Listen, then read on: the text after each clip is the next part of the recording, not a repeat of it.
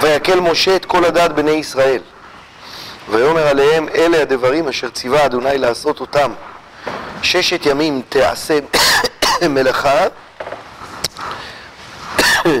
וביום השביעי יהיה לכם קודש, שבת שבתון לאדוני.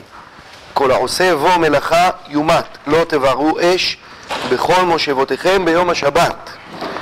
ויאמר משה אל כל הדת בני ישראל לאמור זה הדבר אשר ציווה אדוני לאמור קחו מאיתכם תרומה לאדוני כל נדיב ליבו יביאה את תרומת אדוני זהב וכסף ונחושת. אה, התורה סומכת את אה, הציווי על השבת והציווי על המשכן. משה מצווה על השבת, עכשיו צריך לומר, היה ציווי על השבת, לפחות פעם אחת, אולי פעמיים, כן? שאלה איך להבין את הפסוק ב"כי תישא", אבל בוודאי בעשרת הדיברות, אולי גם, ככל הנראה, כך אני מבין לפי הפשט, גם ב"כי תישא". אה, אז אם כן, אה, היה ציווי על השבת, למה צריך שוב לצוות על השבת?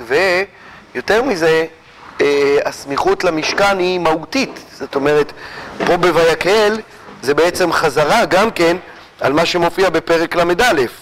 זה במסגרת הציווי על המשכן, שם רק השבת, הציווי על השבת מגיע בסוף הציווי על המשכן, כן?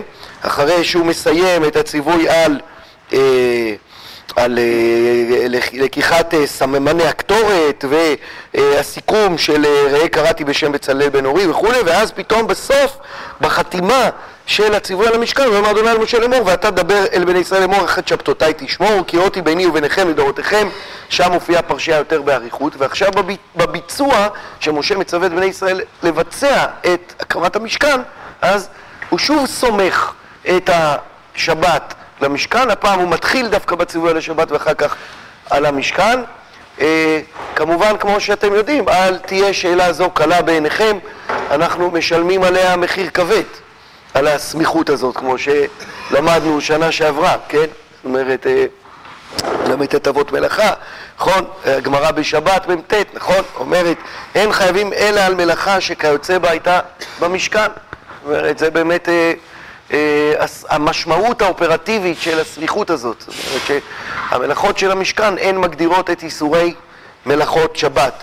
אה, אה, זיקה אחרת בין המשכן או המקדש לבין השבת נמצאת בפרשת קדושים, ששם נאמר את שבתותיי תשמור ומקדשי תיראו אני אדוני, ושם רש"י אומר אף על פי שאני מזהירכם על המקדש את שבתותיי תשמורו אין בניין בית המקדש דוחה שבת. בסדר? אז זה אם כן, יש לנו את הזיקה הזאת, אבל אני מבקש בשיעור היום לנסות לעמוד על הזיקה הזאת ברמת הפשט, אם אפשר לקרוא לזה כך, מה הקשר, או למה, בעצם צריך להגיד, יש ציווי על המשכן בהקשר, ציווי על השבת בהקשר של המשכן. לשם כך, נדמה לי שהפרשייה שאותה אנחנו צריכים לנתח אה, באופן יותר משמעותי היא דווקא הפרשייה שמופיעה בפרשה של השבת הקודמת, כי תישא בציווי, כי אחר כך אנחנו נראה שהציווי פה בויקל הוא חוזר בתמציתיות על המאפיינים שיש בציווי המקורי בפרק ל"א.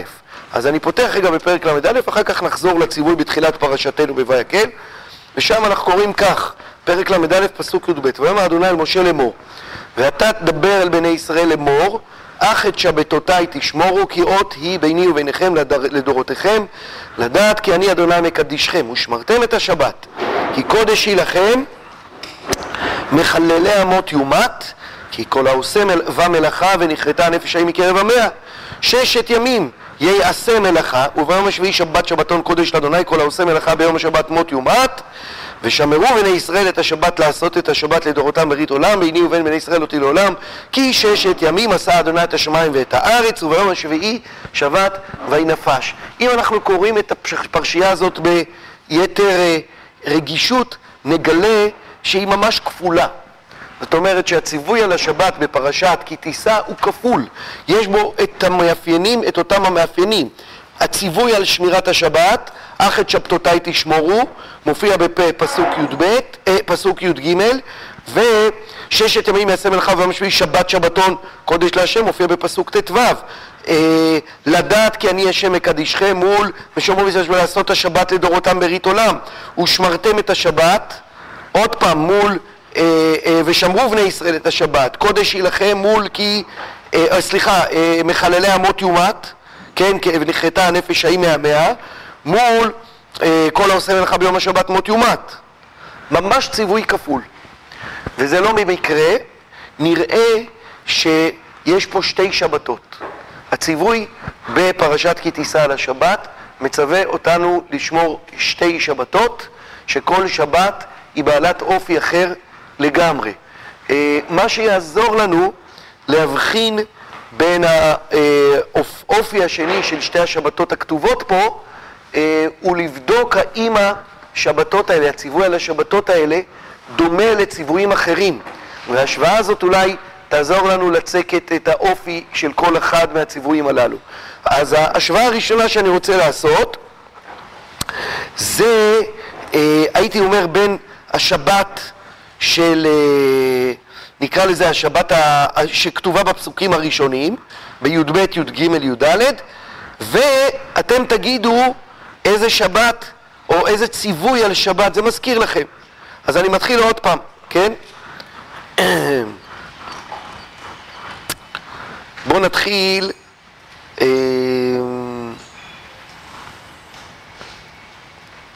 בואו נתחיל באמת בשבת הראשונה, כן? ואתה דבר אל בני ישראל לאמור, אך את שבתותיי תשמורו, כי אות היא ביני וביניכם, לדורותיכם, לדעת כי אני השם מקדישכם, כן? אות היא ביני וביניכם, מה זה מזכיר לכם?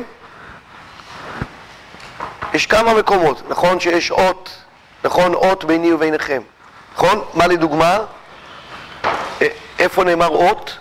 איפה, נאמר אות? שמה? ברית מילה, נכון, לכאורה, יש עוד מקומות, בקשת וכולי, אבל לכאורה האות ביני וביניכם ממש מזכיר את הציווי על ברית מילה. אם נפתח בבראשית י"ז, בבראשית י"ז אנחנו קוראים כך, בפסוק ט': ויאמר אלוהים אל אברהם, ואתה את בריתי תשמור, אתה וזרעך אחריך לדורותם.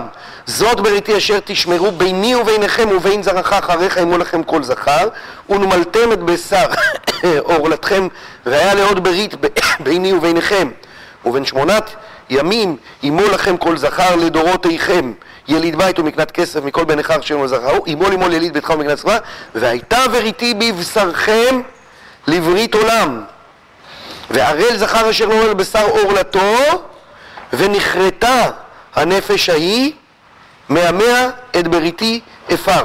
אז אם אני לוקח את הציווי הזה מול הציווי הזה, ושם אותו בטבלה, אז אנחנו רואים שהביטוי ואתה, כן, ויאמר השם אל משה לאמור אצלנו, ואתה דבר אל בני ישראל, ואומר אלוהים אל אברהם, ואתה. דבר נוסף, הביטוי שמירה, אך את שבתותיי תשמורו מול את בריתי תשמור, אמרו לכם כל בשר. והדבר המרכזי, כי אות היא ביני וביניכם לדורותיכם, כתוב אצלנו, ובברית מילה כתוב, והיה לאות ברית ביני וביניכם. והעונש, כי כל העושה במלאכה ונכרתה הנפש ההיא מקרב המאה, ככה כתוב אצלנו, ובברית מילה כתוב, ונכרתה הנפש ההיא מהמאה. אז אם כן, אנחנו רואים שהשבת הראשונה שכתובה פה, היא סוג של המשך במובן מסוים של שבת, של אה, הציווי על ברית המילה. וזה מביא אותנו לנסות לחשוב ביותר עיון מה ההבדל בין השבת שכתובה בפסוקים אצלנו י"ב, י"ג, י"ד, השבת הראשונה, הציווי על השבת הראשונה, מול השבת השנייה. אז אני רוצה קודם כל לשים לב כמה מאפיינים שהם התחברו לנו עם זה שהשבת הראשונה מזכירה לנו את ברית מילה. דבר ראשון, יש לנו אה, בשבת הראשונה, הנימוק זה כי אות היא ביני וביניכם לדורותיכם, כן? בשבת השנייה שכתוב ביני ובין בני ישראל אות היא לעולם, גם שם כתוב אות. אבל למה? אז אצלנו בפסוק, זאת אומרת בשבת הראשונה בפסוק י"ג, כי אות היא ביני וביניכם לדורותיכם למה? לדעת כי אני השם מקדישכם. לעומת זאת, בפסוק י"ז, ביני ובין בני ישראל אותי לעולם, למה? שמה? מה תוכן הברית? כי ששת ימים עשה אדוני את השמיים ואת הארץ, וביום השביעי שבת ויהי נפש. זאת אומרת, הנימוק לברית, או תוכן הברית של השבת הראשונה, זה לדעת כי אני השם מקדישכם.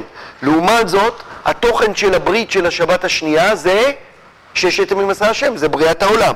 דבר נוסף, אה, אה,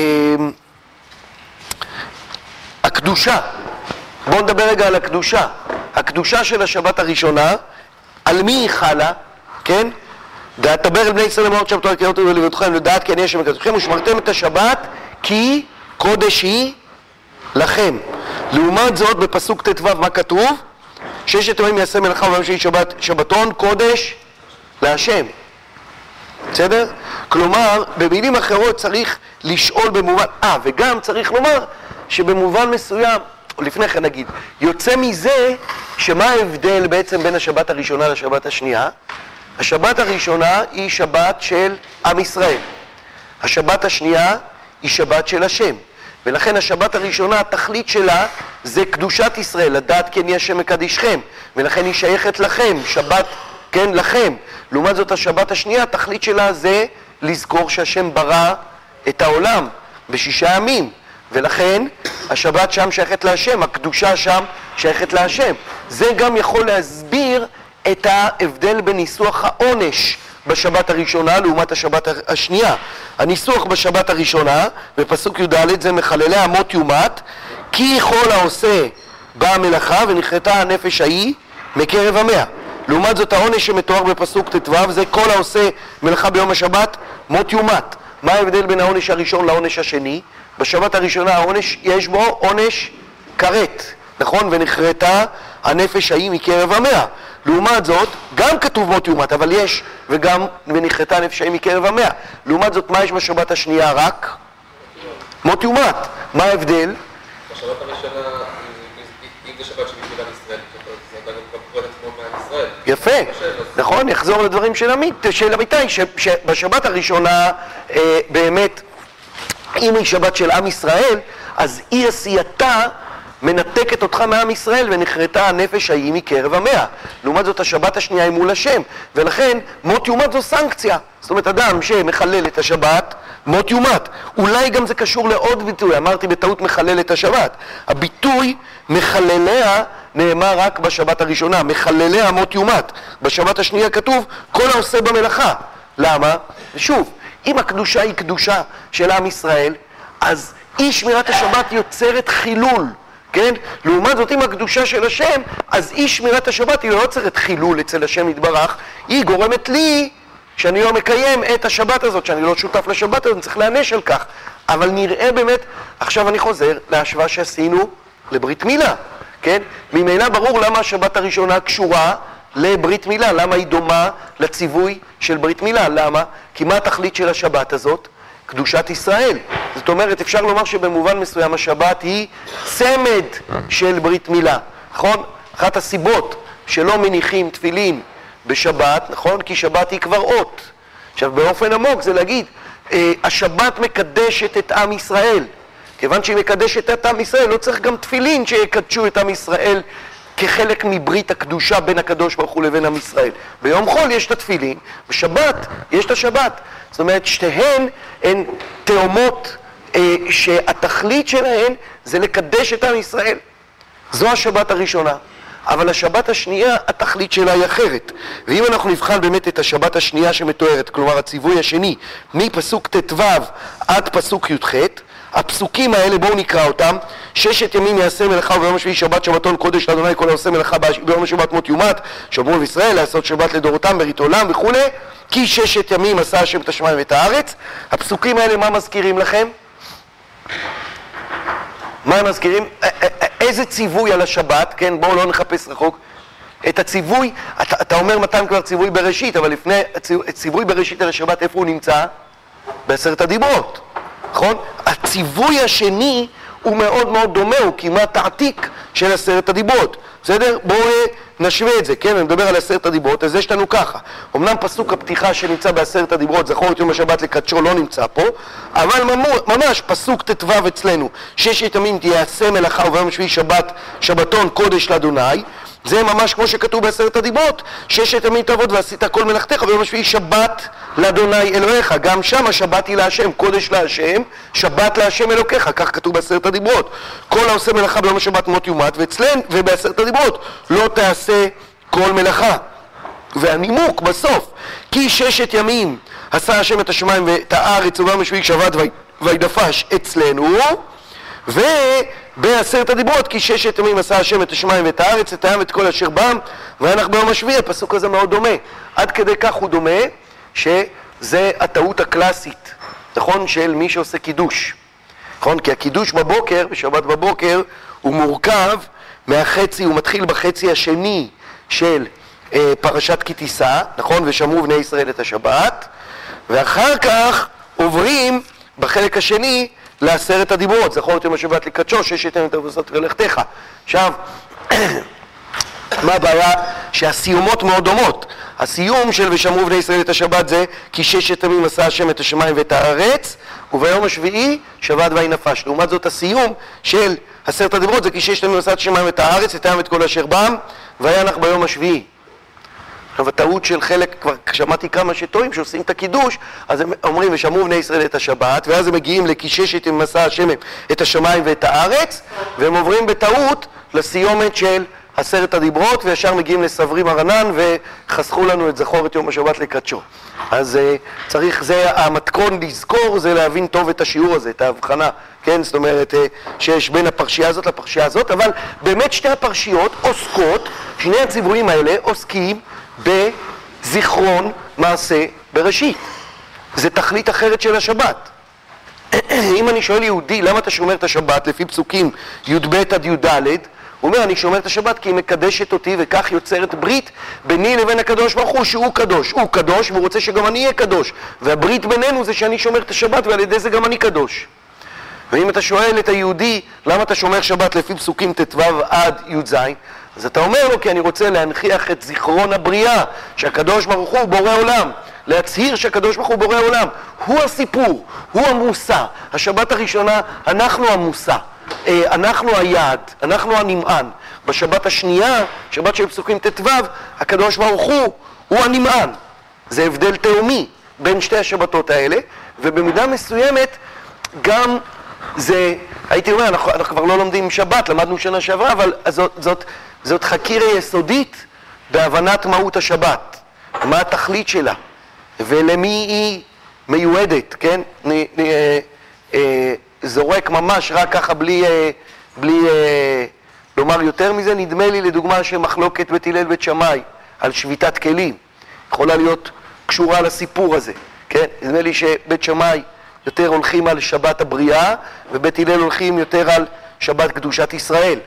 אומרת, העולם צריך לשבות, כן, לפי בית שמאי, וכן על זו הדרך נדמה לי שאפשר להבין הרבה מחלוקות, אבל זו עמדה נפשית, כן, זו עמדה נפשית מאוד מאוד יסודית. זה, זה, זה באמת איפה, איפה ממוקדת התודעה שלנו, בקדושה שלנו, קדושה שאנחנו יוצרים בעצמנו, או בקדושת הקדוש ברוך הוא, שאנחנו בעצם צריכים לזכור את, אה, את קדושתו. ואם כן, במובן מסוים, הפרשייה הזאת בכי תישא מכילה בתוכה את שתי התנועות האלה. כמו שאמרתי, הציווי שלנו בתחילת בויקל, הציווי על השבת בויקל, בעצם הוא מרכיב במובן מסוים את שתיהן באופן תמציתי.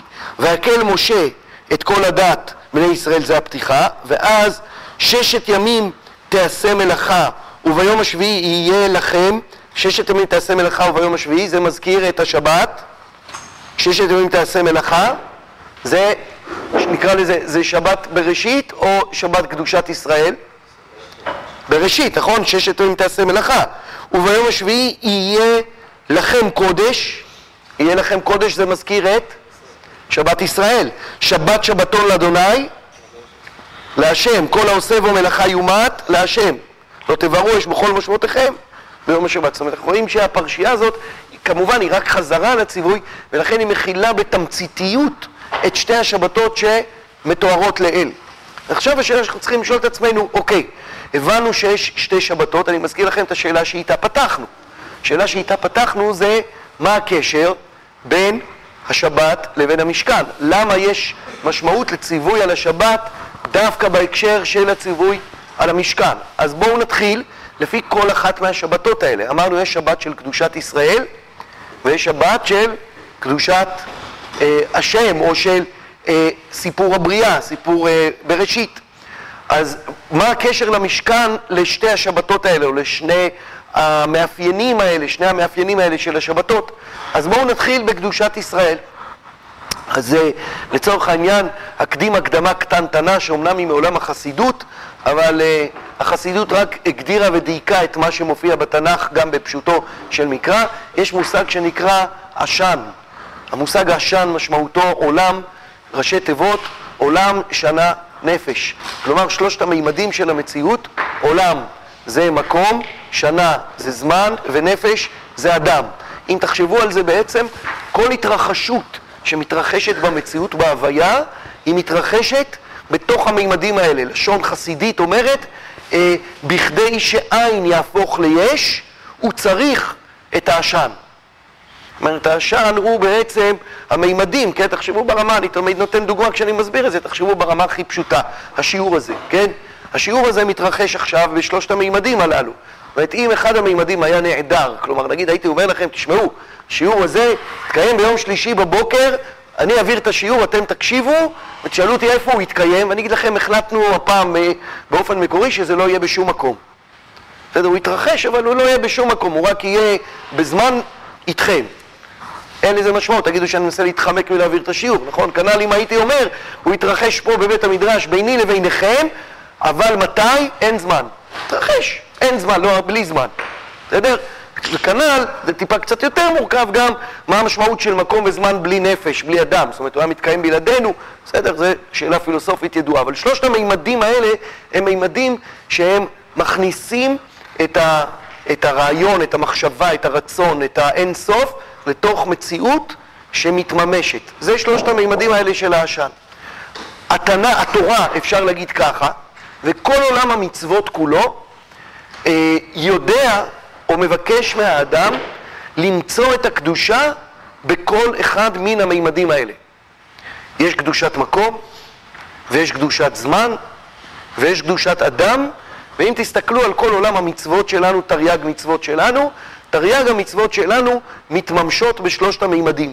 יש מצוות שהמוקד שלהם הוא הזמן, יש מצוות שהמוקד שלהם הוא האדם, יש מצוות שהמוקד שלהם הוא המקום, כן, תחשבו על שלושת הרגלים, אבל בסופו של דבר, אה, אה, שלושת המימדים יהיו קיימים שם. שלושת המימדים יהיו קיימים שם, אבל עדיין יש מצוות שהסיפור שלהם זה הזמן שלהם. קדש ישראל והזמנים, אפילו יש מצוות שהן שייכות למערכת של, שנקראת זמנים. ויש מצוות שהמוקד שלהם הוא המקום, קדושת המקום, עלייה לרגל, קדושת מקדש וכולי.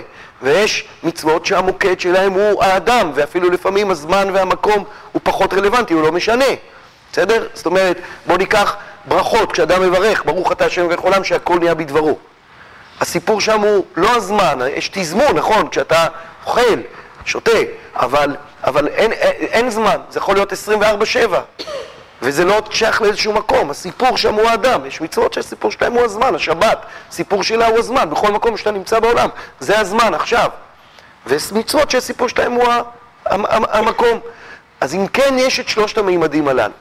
בעצם, כשצריך לקדש, כשהקדוש ברוך הוא רוצה לקדש את עם ישראל, הוא מבקש לייצר קדושה בשלושת המימדים הללו. המשכן, במהותו, מכיל בקרבו שני מימדים מובהקים, המקום והאדם. זאת אם תחשבו בעצם על הציווי על המשכן, אז אנחנו רואים שהציווי מורכב משני דברים. לתיאור הכלים שמונחים במקום, המקום ההוא, המקום, המקום, תחשבו גם על המקדש, המקום אשר יבחר השם, המקום אשר יבחר השם, קודש הקודשים, פנימה, הזר הקרב יומת, שמים את הכלים, המקום אשר יבעד לכם שם. זאת אומרת, המקדש הוא יצירה של מקום במרחב הזה שנקרא מקום, שקדושה מתגלה בו, מופיעה בו, כנ"ל לגבי אדם. קדושת הכוהנים, קדושת הלוויים, קדושת ישראל, הצורך בטהרה בעלייה אל המקדש, הקורבנות שבאים לכפר על עם ישראל, זאת אומרת, קדושת האדם גם תופסת מקום מאוד מאוד מרכזי במקדש או במשכן. במובן משמעותי, חסר קדושת הזמן. השבת משלימה את קדושת, את שלושת הקדושות, את שלושת המימדים. סמיכותה של השבת, אני מדבר על שבת בראשית, אה, אה, סליחה, על אה, שבת ברית מילה, השבת שתכליתה לקדש את עם ישראל, מביאה את הקדושה של עם ישראל במרחב הזמן. וכך בעצם הסמיכות של השבת הראשונה, השבת של ברית מילה של הקדושה, אל המשכן, יוצרת את המשולש השלם של שלושת הקדושות, הזמן, המקום והאדם. אולי זה הפשר. יש לזה הרבה הרבה השלכות, אני לא רוצה להאריך ולגזול מהכנת השיעור הכללי, אבל, כי אני צריך עוד לדבר על הקדושה השנייה, על השבת השנייה, אבל אה, יש דברים מופלגים שנובעים מהזיקה של המשכן אל השבת דרך חיבור קדושת הזמן והמקום, אה, ודי לחכימה. אני רוצה לעבור לשבת השנייה, שבת בראשית. אוקיי, אז ראינו שיש עוד שבת, והשבת השנייה התכלית שלה זה קדושת השם וזיכרון, מעשה בראשית. מה הקשר בין זה לבין המשכן? אז אה, דבר שהוא זוקק שיעור בפני עצמו, ואני אגיד אותו בתמציתיות, נראה שאם אנחנו מסתכלים על פסוקי החתימה אה, של המשכן, כבר בפרק ל"ט וגם בפרק מ', אנחנו נמצא זיקה גדולה בין ציווי אה, או בין תיאור עשיית המשכן לבין בריאת העולם. אני אומר את הדברים בקצרה, כמה דברים. א', הביטוי עשייה, שחוזר על עצמו באופן מאוד מאוד דומיננטי בסיפור הבריאה, כן, ב, ב, אה, בתיאור הבריאה בעשייה בפרקים א'-ב', והדומיננטיות של הביטוי עשייה, כן, לא ספרתי, אפשר לספור את זה, אבל עשרות פעמים, ועשו לי מקדש, ועשו ארון, ועשית שולחן, אה, זה חוזר על עצמו פעמים רבות. אה, אם אנחנו מסתכלים בפרק אה, מ' על תיאור סיום מלאכת המשכן שמשה מסיים, אז כתוב שם בסוף הפסוק בפסוק ל"ג ויכל משה את המלאכה ובפרק ל"ט בפסוק ל"ב כתוב ותחל כל עבודת משכן אוהל מועד ויכל משה את המלאכה ותחל כל עבודת, מה זה מזכיר לכם? ויחולו השמיים והארץ וכל צבעם, ויכל אלוהים. כמו ותכל כל העבודות זה ויחולו השמיים והארץ, ויכל משה, ויכל אלוהים. כן, ויכל הכוונה, אני מתכוון פה, ויכל עם כף, לא ויכל משה עם חטא, כן, יש גם ויכל משה עם חטא, אבל ויכל משה עם כף, זאת אומרת, ויכל משה, שזה גם מביא לרעיון מה שנקרא, זאת אומרת, משה תופס פה את המקום של אלוקים. זאת אומרת, הקדוש ברוך הוא, הוא בורא את העולם, משה הוא בורא את המשכן. הוא זה. עכשיו, אם לא השתכנעתם עדיין שמשה תופס את מקומו של אלוקים, מה תגידו על פסוק, פרק ל"ט, פסוק מ"ג, כן? אחרי שיש סיום של כל המלאכה כתוב, וירא משה את כל המלאכה, והנה טוב מאוד. סתם, לא כתוב טוב מאוד, וירא משה את כל המלאכה והנה עשו אותה כאשר ציווה אדוני כן עשו ויברך אותם משה ברור לכם, נכון? וירא אלוהים את כל אשר עשה והנה טוב מאוד. ויברך אלוהים את יום השביעי. ברור ש... אני חושב שזה מאוד ברור שהתורה מבקשת לשוות חגיגיות כזאת של סיום בניית המשכן ממש כמו סיום ששת ימי בראשית. הזיקה הזאת היא מאוד מאוד ברורה.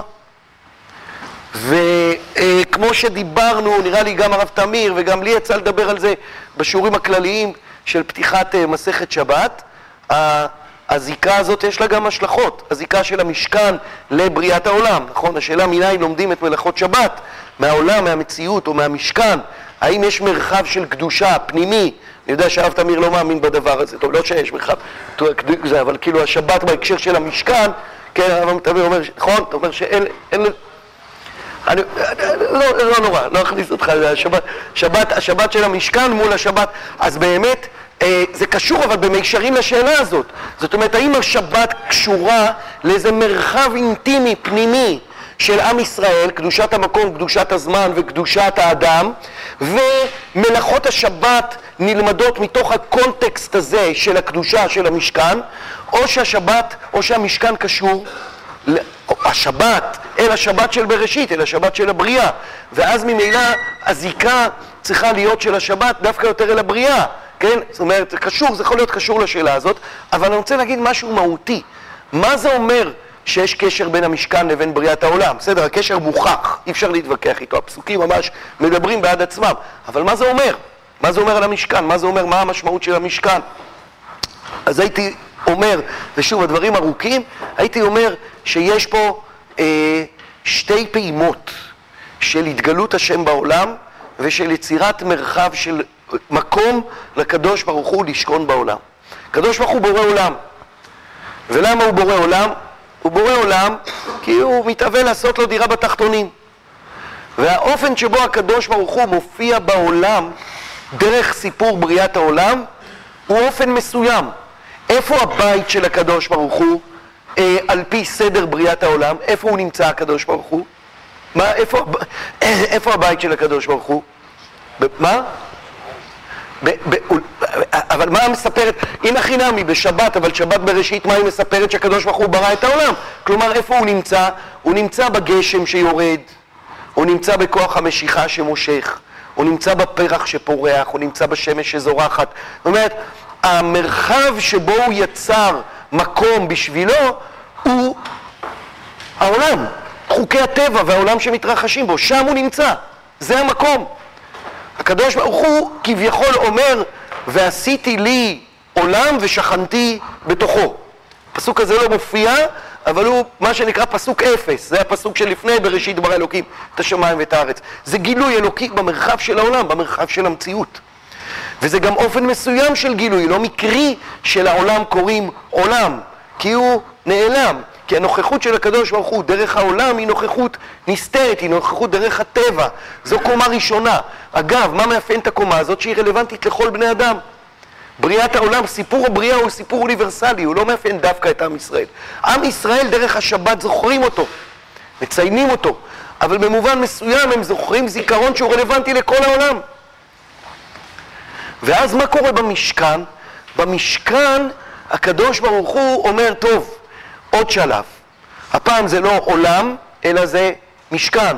זה לא העלם, אלא זה שכינה, זה נוכחות.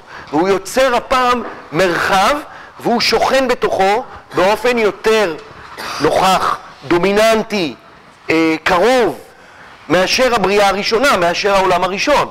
זאת אומרת, המשכן במובן הזה מהווה אה, עוד אה, הנכחה של הקדוש ברוך הוא בתוך המציאות, הנכחה שמחייבת צמצום, ולכן זה רק לעם ישראל, ולכן זה המקום אשר יבחר השם, ולכן יש שם מערכת חוקים אחרת לגמרי, כן? זאת אומרת, אבל מצד שני, ברור שהמשכן במובן הזה מתקשר לבריאת העולם. לא הייתי מתפלא, לא הייתי מתפלא אם, טוב, וואו, בשביל זה צריך להקדים הרבה הקדמות כדי להגיד לא הייתי מתפלא, אבל אני אגיד די לחכימה, מי שהיה בשיעור אה, על הגדה של פסח ועל אה, פסח שעשינו במשמר, יבין על מה אני מדבר. לכאורה לפי פשוטו של מקרא, נראה שהזמן, שהזמן בסיפור הבריאה, ראינו בשיטת הרשב"ם, זה שקודם כל יש יום ואחר כך לילה. רשב"ם אומר, ויהי ערב ויהי בוקר, צריך להבין מה המילים האלה אומרות, ויהי ערב ויהי בוקר, זה לא, דיברנו על זה, זה לא ויהי לילה ויהי יום, אלא זה תיאור של שתי נקודות זמן. ולכן אומר הרשב"ם, זה לא תיאור של יממה ויהי ערב ויהי בוקר, אלא זה תיאור של התחלפות. התחלפות פירושו של דבר, ויהי ערב, היה יום, כן, התחיל היום, ויהי ערב, כלומר העריב היום, ויהי בוקר, הגיע הבוקר, יום אחד, נגמר יום אחד. זה היום. זאת אומרת, הסיפור בבריאה, הימים הם שקודם כל יש יום ואחר כך לילה. זה פותר הרבה דברים, זה פותר גם את הבעיה של בריאת האור, שהיא לכאורה בריאת הבריאה הראשונה, ואז לא צריך להגיד כל מיני פירושים, כי אם אנחנו אומרים שקודם כל היה לילה, כן, מוצאי שבת הראשון במרכאות, אז צריך להגיד או שקדוש ברוך הוא הפעיל את הזמן, 12 שעות, הפעיל את סטופר הזמן, כן, של הבריאה בלי לברוא כלום, ואחרי 12 שעות הוא ברא אור, כשיטת הרמב"ן. או להגיד שהוא ברא את האור ומיד הסתיר אותו, כשיטת רבי יהודה הלוי, ועוד כהנה וכהנה. הרשב"ם אומר, לא צריך להגיד את זה, כי קודם כל היה יום, באמת קודם כל נברא אור. זה מסתדר גם ויהי ערב ויהי בוקר, בסדר? תגידו, מה אתה עושה עם השבת, מה אתה עושה, כן, יש... אה, דיברנו על הפולמוס עם האבן עזרא וכולי, בפשטות לרשב"ם זה פשיטא, הוא אומר יש את הזמן של הבריאה, הרשב"ם עצמו ביום הרביעי לבריאה על ה... והיו לאותות ולמועדים ולימים ושנים, אומר שיום הוא מצאת הכוכבים מצאת הכוכבים, הרשב"ם עצמו אומר את זה, נו אז מה הסתירה? הוא אומר פשוט, פשוט מאוד, הוא אומר ימי הבריאה הם ימים כאלה, הימים אחר כך של הגבולים, של החגים, הם ימים שקודם כל יש לילה ויום, מה המשמעות הרוחנית? צריך לעמוד על זה, אבל כרגע אני אומר את זה רק לעובדה שאם אכן הרשב"ם צודק שימי הבריאה הם ימים שבהם קודם כל יש יום ואחר כך יש לילה, אז זה יוצא מאוד ברור ויפה למה הזמן המקדשי הוא גם כזה. הזמן המקדשי, ביום קורבנו יאכל, הכוונה ליום וללילה שאחריו, לא תותירו ממנו עד בוקר. הזמן המקדשי הוא יום ואחריו לילה. למה? כי הזמן המקדשי, בזווית הזאת, משמר את הבריאה. זאת אומרת, הוא אומר, יש פה אירוע של בריאה. יש פה אירוע ובריאה פירושו של דבר, פירושו של דבר יצירת מרחב של הקדוש ברוך הוא לשכון בו. זה קרה פעם אחת לפני כ"ו דורות, וזה קורה עוד פעם עכשיו. רק שהפעם המאפיינים של הבריאה הזאת היא שונה מהבריאה הקודמת. אנחנו שותפים בבריאה הזאת, בצלאל, ומשה הוא האדריכל הראשי של הסיפור הזה. ועם ישראל שותף לדבר הזה, והקדוש ברוך הוא שוכן בשביל עם ישראל, והוא זקוק לעם ישראל, אבל עדיין זה אירוע של בריאה. זה עדיין אירוע של הנכחת הקדוש ברוך הוא בתוך המציאות.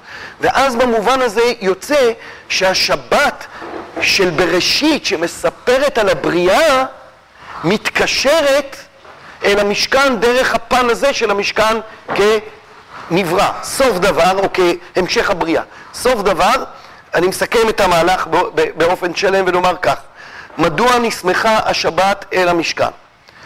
השבת שעליה אנחנו מצווים במשכן, שבת בפרשת כי תישא, מורכבת משתי שבתות. שבת אחת, שהיא שבת ששמה את עם ישראל במרכז, הקדושה של ישראל, כמו ברית מילה, היא דומה לברית מילה. השבת השנייה ששמה את זיכרון בריאת העולם במרכז, כמו שבת בראשית, כמו שבת עשרת הדיברות. שתי השבתות האלה מתקשרות אל המשכן. הראשונה מתקשרת אל המשכן להשלמת מימד הקדושה, קדושת הזמן, קדושת המקום וקדושת האדם, קדושת ישראל בשלושת המימדים האלה, זו השבת הראשונה של שבת ברית מילה, והשבת השנייה מתקשרת אל המשכן, שבת הבריאה, בתור הסימון של המשכן כקומה הבאה של בריאת העולם והנכחת הקדוש ברוך הוא בתוכו, דרך המשכן ודרך עם ישראל. עד כאן. כן? כן, כן.